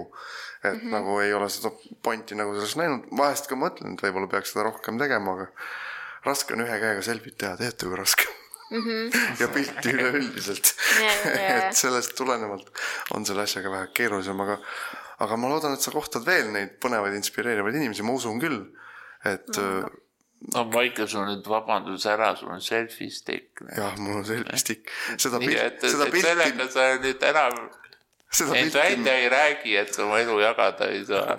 me kasutame seda selfie stick'i täna, et teha meie event'i ja saate kaanefoto siis ka Youtube'i jaoks ja pärast te näete seda kindlasti mm. -hmm. nii, oota, teeme väikest matemaatikat siis no ma pean küsima, kui vana sa praegu oled? Praegu olen kakskümmend üks. kakskümmend üks. võtame siis, kas kuueteistkümne aastane sina oleks arvanud, et sa oled täna seal, kus sa oled? ei, absoluutselt mitte. ma kuueteistaastane, ma, ma mõtlen, et minu nagu teismega tundsin ennast suht nagu haledana no ma ei olnud väga ilus ka, ma ütleks ausalt, mis ei aidanud kaasa, mul nagu ei olnud nii palju sõpru, ütleks. mul olid nagu paar sellist truud sõpra, kes siiamaani on minu sõbrad. aga selles mõttes ma olin, ma olen siiamaani hing, kes nagu pidevalt soovib midagi uut kogeda, uute inimestega kohtuda. ja mm, minu jaoks oli see nagu väga raske, kui ma ei saanud seda teismeeas, eriti nagu kuueteistaastasena teha, et kuidagi ma ei olnud kutsutud pidudele ega mitte midagi, et ma kuidagi sihuke täiega outcast olin. ja nüüd ma olen nagu absoluutselt vastand sellele, et ma olen igal pool, mul on väga palju nagu siis nagu tutvusi, et see on minu jaoks miski, mis ma, ma teadsin, et äkki ma saavutan selle mingi hetk oma elus aga mul on hea meel, et ma olen seda manifesteerinud terve elu ja lõpuks ma olen seal kohas, kus ma nagu saangi tunda end mugavalt ja öelda jaa, et ma olen saavutanud seda, mis kuueteistaastane Hendra on alati soovinud, et et ma arvan, et ma olen nagu terve elu olnud sama siiras, aga kui ma saaksin praegu kuueteistaastase minaga rääkida, siis ma oleksin nagu, et kõik saab korda. et tuleb väga-väga raske, aga väga-väga lõbus ja meeliarendav nii-öelda, kõik on meeliarendav, mis, millega sa nagu kokku puutud ja kõik oleneb sinust. kuidas sa mm -hmm. nii-öelda, kuidas sa tegeled e olukordadega ja nii edasi. seda, seda on ainult rõõm kuulda, mina, mina pean ka mm -hmm. rääkima sinust väikse loo, et me kohtusime siis, kui sa mulle esimest korda vist teise militaarlaagrisse tulid. mul ei ole õrna aimu ka, kui noor sa võisid siis olla. ma olin neliteist siis. sa olid neliteist vist jah ja.? ja mul on ausalt öeldes väga hea meel nagu kõrvalt vaadata, kuhu sa sõuad ja kuhu sa kogu aeg edasi jõuad ja mm, -hmm. ja seda on väga-väga tore näha. et ja väga veel toredam on täna siin sinuga sellest kõigest rääkida, et see on suurepärane. mina, mina hoian sulle igal juhul pöialt yeah.. kindlasti. Jah, et selles mõttes, et konteksti võib-olla teistele ka, et militaarlaager et guys, I be careful, I know to, how to handle a gun, et et militaarlaagris ja ma mäletan, et ma olin nagu nii tagasihoidlik algul, selles mõttes kõik olid uued inimesed ka ja ma ei ole mitte kunagi üksi kuskil ööbinud ja ma läksin absoluutselt ilma igasuguse abita ja ma lihtsalt lootsin, et äkki koha peal siis ma, keegi aitab, et see oli väga suur hüpe mälule, et mulle ja ma kohtusin sinuga seal ja väga täiega meeldis see laager. jah, ma mäletan, et sulle, sulle meeldis see ja, ja et see täiega. ma usun, et see andis sulle hea tõuke ja mul on selle üle ainult siiras hea meel uh. -huh. Nonii. noh, meil on klassika, et et me proovime iga ennast näidata seda, kes me tegelikult oleme, on ju. et siis mida sa soovid, et inimesed sinu kohta teaks? veel, mida sa täna võib-olla veel rääkinud ei ole midagi. või, või noh, et mis jääb nagu, kipub pigem varjatuks jääma. jah, mis kipub varjatuks jääma. mõttekoht jah, nii on nüüd teatud kõrgusel uh,. mida nad võiksid minu kohta teada, et uh, mm, see on nagu hea küsimus, samas see on nagu päris keeruline ma tahan, et inimesed lihtsalt õpiksid rohkem minu kohta. mitte, mitte, mitte ei õpiks minu, aga nad õpiksid mind rohkem tundma. et sa ei ole auto. et sa ei ole, sa ei identifitseeri autona. no ei ole auto. I m so sorry guys, aga ma ei ole auto, on ju, et kui ma pettumust valmistasin. et äh, ma olen täiesti nagu inimene ja ma ei tunne häbi või mingit imelikku tunnet, sellepärast ma kasutan ratastoolis, see on minu liikumine, see, sellepärast ma olengi nagu siin, kus ma olen, tänu sellele ratastoolile ja et. et see on kõige väiksem mure sinu elus tegelikult nojah, samas no, ei ole. nojah, kui ligi ei saa. samas see on mu terve aga... elu on ju see ratastool um,. aga ja, et tehakse minu kohta, et ma võin võib-olla väljaspool eriti tänaval nagu tunda sihuke, et sihuke bitch face on ju, et kuidagi väga oma mõtetes või selline hästi tõsine, aga tegelikult ma ütleks, et äh, äh, ma olen sellele suht vastand. et inimesed, mida rohkem inimesed tulevad minuga rääkima nii-öelda tänavatel, mis on alati mulle nii tore kogemus olnud, seda, seda tegelikult toredam on, sest inimesed õpivad ka ise rohkem sellest. et kui tul-, minuga tahetakse tulla rääkima siis pigem nagu klassiinimesed tulevad rääkima, et see, see võiks noh, lihtsalt niisama ka olla, et no. et kui sa tahad kellegagi tutvuda, ma ei tea, ükskõik kus sa oled, siis go for it. et äh, selle, see võib avada nii palju uksi sinu elus. no aga siis see ongi ju see, mida inimesed võiksid teada, et sinuga võib rääkida, see on väga okei okay. ja see on väga okei okay,, kui te mind kõnetate ja ma olen loa andnud ja tegelikult see on tore, jah no loodame, loodame, et siis mõistlikud ja mõnusad inimesed ka seda teevad yeah.. mina küsin sult äh, sellise küsimuse, et äh, mis teeks aktiivselt elamise sulle veel lihtsamaks? kui lund ei oleks äh,. kui Eestis rohkem võetakse tõsiselt kaldteid äh, ja ligipääsetavust äh,. see teeks nii palju lihtsamaks kuidagi, et vanad ehitised muudetakse ka ligipääsetavaks, näiteks Telliskivi. see on väga populaarne koht, inimesed töötavad seal, neil on kontorid, seal on ööelu, mis iganes. ja võiks olla rohkem võrdseid äh, võimalusi. see mõnikord nii ahistab, et kõige popim koht on kõige ligipääsetav. võiks olla kuskil keldris.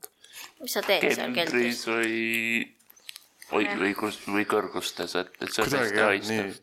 nii kipub vist olema jah, et need mm. väga siuksed popid kohad on need, kus lähed ja tuled sama targalt tagasi, et pole Täpselt, nagu jah. edasi ei pääse. jah. et äh, ja muidugi ma tahan, et võetakse tõsisemalt seda, et äh, liikumispuudega inimesed saavad olla tiimis ja töötada täiesti nagu põhimõtteliselt võrdsetel tingimustel, et kõik on tehtav, kui saad läbi rääkida. et jah, et ollakse julgem, et küsitakse siis rohkem, kui on mingeid küsimusi või, või kuidagi ollakse avameelsem nagu jututeemadega, sest et näiteks BFM-is on ka see, et kui ma enne eelmises koolis, kus ma olin, et seal oligi vahepeal niimoodi, et õpetaja ei julgenud mulle öelda, et see koht ei ole ligipääsetav ja tegelikult saad tege-, tervest ekskursioonist maha ja sina ei tule kuhugi, on ju. siis, või kuidagi see oli sihuke, et peale tundi tuleks, kuule, et selline jutt siis, et ma ei tea, mida sinuga teha, sest tegelikult see koht ei ole ligipääsetav. peame mingi aastat saama. see kõlab väga tuttavalt oh,. Kes, keskkooli ajast vähemasti, ülikoolis polnud nagu sellise. jaa, aga ülikoolis oligi see, et kui ma meil, meil oli mingi väljasõit või kuhugi, siis õpetaja enne tundi ütles, et kuule, et ma räägin nüüd väljasõidust, sina ära muretse, me juba räägime sellest ligipääsusest kõigest ära. et kui me võtame seda teemat, ära tunne end väljajäetuna. ja nagu nii lihtne ongi. ja alati leiame mingi alternatiivi, et ei ole seda mhm. piinlikkust, ai, et idioot, see ratastustüdruk ju noh, ilmselt on ka nagu tudeng. üldse, jätame üldse tegemata ja, ja uurimata. või siis mulle öeldi, et aa, tahame pidu korraldada. Hendra, sa oled siin ka nii-öelda kohalik, et et davai, panna hullu, et noh, et me tahame, et sa ka tuleks, sellist asja ei ole, et sina jääd välja, et see ei ole nagu, mis mõte on teha nagu mingi kursuse, ma ei tea, mingit kokkusaamist, kui noh, e, tegelikult sind näiteks ei ole või kõik ei saa tulla. või siis noh, keerataksegi niimoodi, okei okay,, sinu Argunil siis lokatsioon näiteks. siis saab olla kindel, et sa saad tulla, on ju sellist noh, niisugune inimlikum lähenemine ja inimesed nagu räägivadki rohkem ja see kommunikatsioon on ikka kõige võtim. mõtteid siis kõigile pidude korraldajatele ja ekskursioonide korraldajatele. et kui teil on koolis, klassis, grupis sihuke inimene, kellel on mingil kujul ratastool või midagi muud, siis mm. -hmm. siis ära, ära ole see, et, et häbened küsida, vaid ja. proovi võimalikult varakult temaga koostööd teha. just, nii on. jaa, ole inimene ära, sa oled täiskasvanud, sa peaksid tegelikult vastutama selle eest äh, kõikide heaolu eest. mitte sa ei pea ajama kellegi kaela, et aa, et noh, nii sa oled ratastes, okei okay,, me vist ei võta sind kaasa, vaid noh, sa pead ikka mõtlema kõikide peale. muidugi ei saa nagu sada protsenti kogu aeg mõelda, aga sa pead tegema kindlaks, et ta saab põhimõtteliselt sama kogemuse, mis teised. või mingi kasu peab siis vähemalt sellel inimesel olema, kes ei saa kaasa tulla, saab midagi muud teha. jah aga on sul mõni kogumishuvi või eriline kirg? Humana Vintage'ist mulle meeldib riideid koguda. Osta, ei, selles mõttes nagu kogumisse toob ei ole, teate neid trikinugasid, need butterfly? Neid ma kogusin äh, kunagi, et mul on väike mini kollektsioon, et no, kui ma käisin reisidel. oskad siis teha seda, seda liigutust või? ja, ja ma oskan seda liigutust teha aga mul on see, et ma pigem äh, ostsin selle jaoks, et mul oli vaja teha peenmotoorikat ja siis, aga ma ei viitsinud seda ise niisama tegid teha. tegid viga ka omale või? ei, sest need, mis müüakse üldiselt, need ei ole teravad. aa, jaa, jaa. üldse, kui sa üldse ostad nagu välismaalt eriti, siis need lagunevad suht kiiresti ära. aga mul on sihuke väike trikinugade kollektsioon, sest et ma harrastasin mõlema käega teha nii-öelda harjutusi ehk siis neid trikke et siis kokku võtame ingliskeelsetele, ingliskeelsetele kuulajatele, et knows how to handle a gun and has a trick knife collection. jah, et, et see on äh, trikinugadega ja relvakäsitlusoskusega tütarlaps. ja siuksed mingi vintage äh, asjad ka, aga jah, ma arvan, kõige selgem kollektsioon, mis mul nagu on, ongi nagu Not with Henra, siis that's a nice collection. jah, triki, trikinoad. väga, väga huvitav ja kuidagi väga sinulik, ma ei tea, miks, aga ah, aga tundub. no see militaarlaager, mis, äh, kus see algatus kõik. võib-olla jah, näed, mis ma olen teinud yeah. elus, et ma siukse asja olen korraldanud, üks inimene hakkas nuge koguma no mis parata mm. -hmm. nii, oota, kuidapidi, vist olid sina? Ja et, et mis spordiga sa tegeled, mis südametuks ma pole tõtt tean, aga. okei okay,, Jüri, võib-olla sa pole mitte kunagi kuulnud, aga siuke nagu elektriratast oli hoki, hoki siuke koht on olemas. kas sina, pole. kas sina oled see mängija, kes võistleb ka uh,? jah olen küll jah, see. tubli uh,. spordiga no see, no, see ongi sport, see ongi sport. ei, ma mõtlen, kas ma tegelen millegi, mis, vahepeal ma käisin jõusaalis natukene või tegin mingit jõudu. aga elu ongi nüüd üks suur jõu tegemine ähm,. eriti kui isiklikku abistajat ei ole, mis tegelikult ma vajan, siis ma kuidagi see ravim on teinud, ma ei tea, mis imesi, et ma jaksan nagu üksi ka nüüd üldiselt teha kõike, ehk siis see on minu sport, on ju. aga elektriratast või saalihokis, seal ma olen neljas aasta sai täis nüüd või kolmas. ma olin seitseteist, kui ma läksin sinna mm. -hmm. Ma ei teadnud mitte midagi, ma ei osanud mitte midagi, ma isegi ei teadnud neid reegleid, ma lihtsalt olin seal. et kohapeal õppisid, aga jah, sellest väga kiiresti arenes äh, minu suur nii-öelda kirg, et äh, kord nädalas siis käid äh, trenni tegemas ja kuna see on selline trenn, kus sulle antakse väga kiired toolid kätte, sul peab hästi kiire reaktsiooni nii-öelda kiirus olema mm -hmm. ja sa pead no mingi vahepeal, oleneb positsioonist, aga sa pead rohkem, üldiselt rohkem kui kolmele asjale keskenduma samal ajal. ja et see on adrena-, adreka ikka viskab üles nii-öelda lakke, kui sa seda mängid ja sellepärast meeldibki, mulle meeldib kiirus ja mulle meeldib sihuke agressiivsus spordis väga,, väga-väga meeldib. Ja see põhimõtteliselt äh, täidab kõik mu need tingimused, milles ma olen puudust tundnud, aga jah, sellest kiiresti arenes see, et ma äh,, ma olin ka kutsutud nii-öelda võistlustele välismaale, et me oleme Soomes, käime suhteliselt tihti. Ja et üsna lõbus ja väga tore on Soomes näha, et nad võtavad seda väga tõsiselt seal ja neil on nagu meeskonnad, elektriratasturi meeskonnad, kus nad siis mängivad ja et, et see on nagu sa saad ikka väga proff olla selles, mis sa teed. me saime seda kogeda, kui nad meil kaks tuhat kuus külas käisid. üritasime neile ratasturi laintantsu õppida, oi seda mm -hmm. silmade keerutust, aga nii kui ütlesid, et nüüd läheb saalihokki mängima, siis, siis nad kuidagi kohe. Läksid põlema That's -hmm. my, that's the reason why I, et miks ma olen siin, et yeah. aga kõik muu oli siuke, et oh come on, stop yeah. it. vot, aga tore, et see siis rahuldab sinu seda adrenaliini ja kiiruse janu nii-öelda mm, -hmm. et mhm. saad, saad ennast välja elada Lood, mm -hmm. loodetavasti ikka selle saalihoki palli peal, et kaasmängijad jäävad terveks jah, jäävad küll. suure, suurepärane. ma küsin sult sellise küsimuse, et mis oskust sa tahaksid omada? See võib olla ka täiesti La, fiktiivsest jah. valdkonnast. ma tahaksin osata laulda, ma ei oska absoluutselt laulda ja see on see oskus, ma arvan, millest ma tunnen puudust, et ma mängin klaverit ja kitarri, aga ma väga tahaksin osata laulda ka, et kuidagi seda täiustada. aga ma ei tea, kas see on see, et ma ratastoolis ja ma istun kogu aeg, siis see kopsu kuidagi maht on ka teis, noh, ma olen astmaatik ka veel et kõik nagu see kokku võib-olla ei soodusta seda, et mul oleks nagu ilus lauluhääl ma arvan. ma pole nagu väga palju kokku puutunud ratastoolikatega, kes nagu. kusjuures sellel no kes. Taani lihasajäkute seltsi esimehel oli oma bänd. oli või? ja ta täitsa laulis ka tegelikult. kelleks nagu, nagu talenti, talenti. aga no seal on see nii-öelda häälepaiksus on ju, aga mikrofoniga sa saad seda kompenseerida mm,. okei see oleks hea oskus, mida ma väga sooviksin, et imepäev tekiks kas ta imeväel tekib, aga ma arvan, et sa pole võib-olla läinud õige inimese juurde selle jutuga. ma olen. sa võiksid tegelikult mm. proovi teha ausalt öeldes. näiteks sul pole midagi kaotada. näiteks mm. Lõuna-Eestis on Tiia Järvepõld, kellel on hästi kehv kõne. ta käib lauluõpetaja juures. nii et tasub okay. proovida, et, et et no lihtsalt proovimise pärast, et kui, et kas see mhm. oskus areneb või ei arene, on ju. kui me, kui me juba seal laulmise ja kõige lainel oleme, siis. meil noh, vahel ju meeldib siukseid challenge'id ka endale võtta. nojah, et peab ikka võtma, et aga ma viskan ka järgmise küsimuse juba ringlusesse, et milline muusika sul vere käima paneb? kaasa laulda saad ikka, kui originaalis ei taha laulda. jaa e, hetkel paneb Tommy Cash väga mul vere käima, sest ma hiljuti käis, ma olen alati tema fänngirl olnud aasta aega tagasi ma käisin kontserdil ja mitu aastat tagasi käisin ka tema näitusel, mis oli Kumus ja ma olin nagu vau, mulle nii meeldib, mida tema ja noh, tema see tiim teeb, on ju.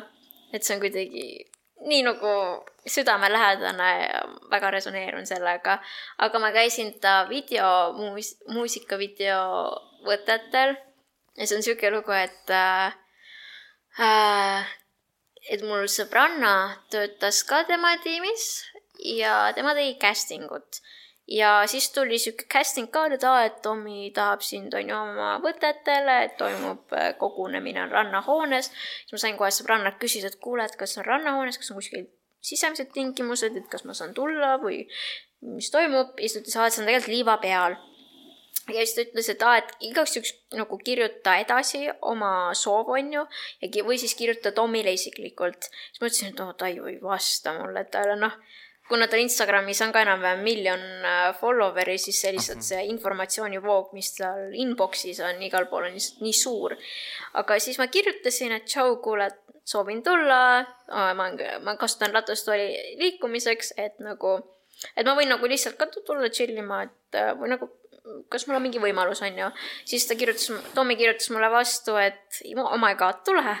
Et äh, ilmselt saab Teamsi nii-öelda tassida liiva peale, mis iganes.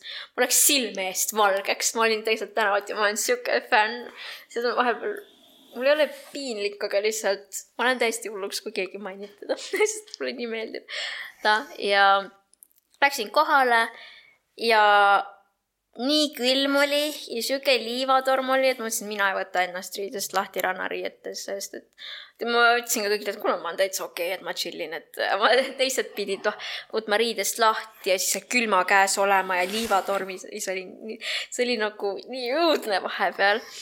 aga siis ma võtsingi ennast kuhugi sinna, seal, kus see, see võttetiim oli, et ma läksin kuidagi nendega sinna varju sujuvalt, öeldi, et ma võin minna ja siis, kui enam-vähem hakati filmima, siis kõik inimesed, see rahvamass oli pandud paika, siis veel tuli, ma ei tea, kes ta oli küll, aga Tomiga oli, ma nägin teda tihti koos, ütles, et äh, et me soovime, et sa tuleksid ka sinna nii-öelda liiva peale, et me tahame sind esiritta panna. siis ma mõtlesin, et issand jumal, okei okay,, aga noh, mul on kakssada kilogrammi elektratust tool, et sa, selles mõttes te võite seda tõsta, aga see on raske ja ma, it, it's fine with me if it doesn't work out, ma olen juba mõelnud sellele, ma võin chill ida, siis mulle öeldi, ei, me väga soovime sind sinna. ja nad ütlesid, ei, me väga tahame sind sinna. ja siis ma olin nagu, issand jumal, see oli nii tore.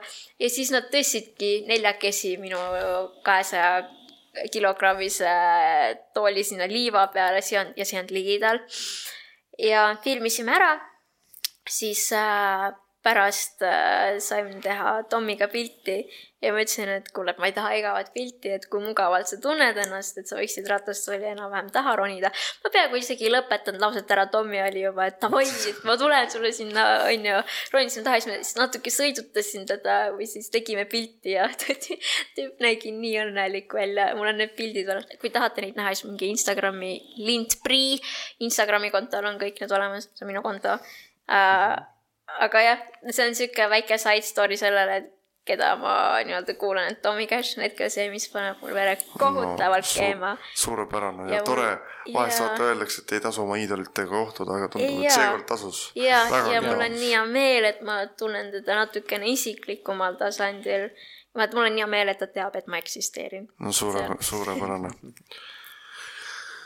aga milline on su tulevik sinu vaates praegu? Kui sa kuusteist saad, ei kujutanud ette, et sa praeguses kohas oled, aga mis võib. mida, mida sa veel ette ei kujuta, räägi sellest veidikene. ma arvan, nelja aasta pärast võib isegi juhtuda nii, et mu elu üpriski stabiilne selles suhtes, mida ma olen nagu arendanud karjääri suhtes, ma olen väga karjääri noh, nii-öelda career oriented person mm, -hmm. et ehk siis äh, muidugi suhted on ka olulised, aga ma hetkel, ma olen väga kirglik oma karjääri suhtes ja vabatahtlikuks olemiselt just nagu tutvuda inimestega, sest et mul on väga palju ideid, kuidas ma soovin äh, oma elu elada ja mingid projektiideed ja äriideed, mis iganes. et äh, ma arvan, et tulevik tõotab ainult head, see läheb ainult keerulisemaks aga selles mõttes seal on ka alati hea pool, mis tuleb kaasa, et sa näed rohkem elu ja mõnes mõttes muutud endaga rohkem nii-öelda, sa oled nagu sõber endale, sa õpid ka ennast tundma kogu selle protsessi käigus. aga jaa, ma arvan, et äh, see influencer'i teema on mul südamelähedane, et ma soovin rohkem olla meedias. ma arvan, et selleks ajaks ma olen nagu mingi stabiilne positsioon juba olemas, et kuidas ma saan nagu pidevamalt meedias olla. ma arvan, et seda ma olen saavutanud ja ka töökoht, ma arvan, on ka stabiilne no,. suurepärane.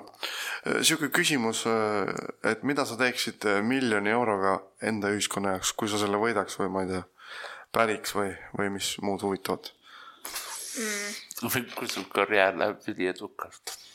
jah, kui su karjäär läheb nõnda hästi, et miljon muutub peenrahaks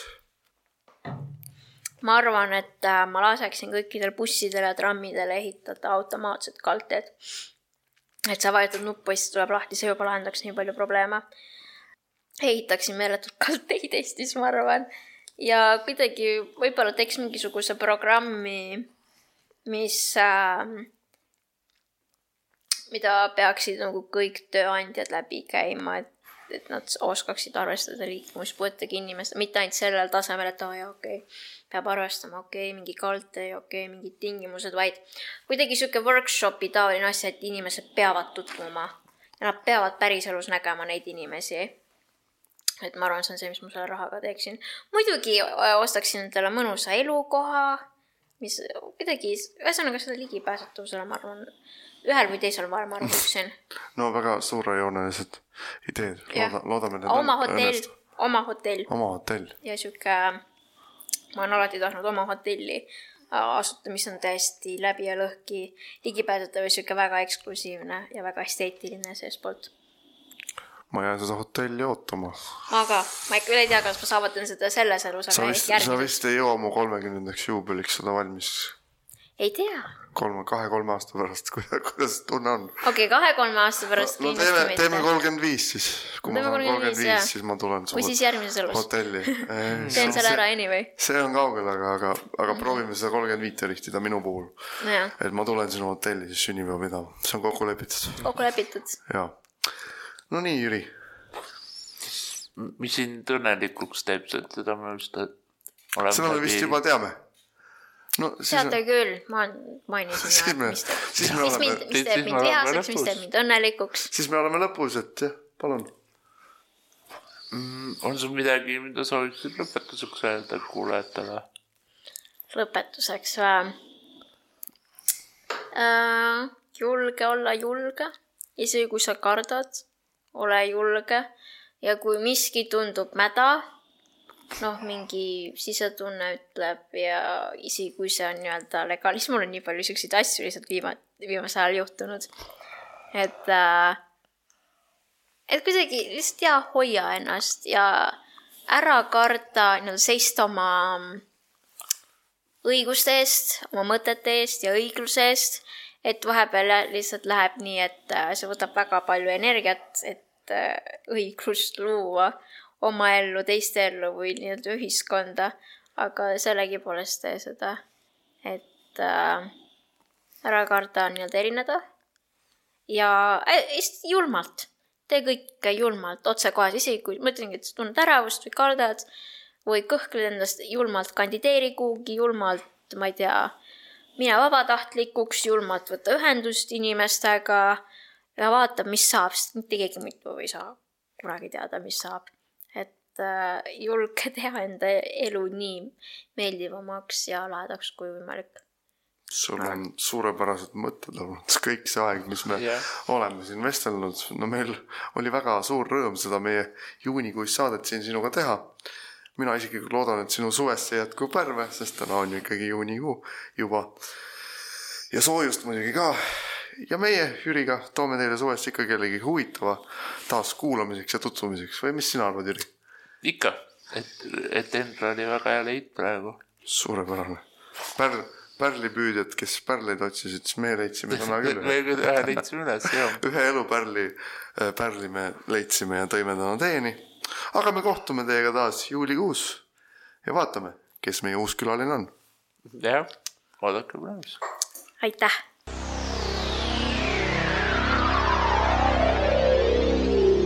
selline sai meie tänane saade. Täname kõiki kuulajaid ning kohtumiseni meie järgmises saates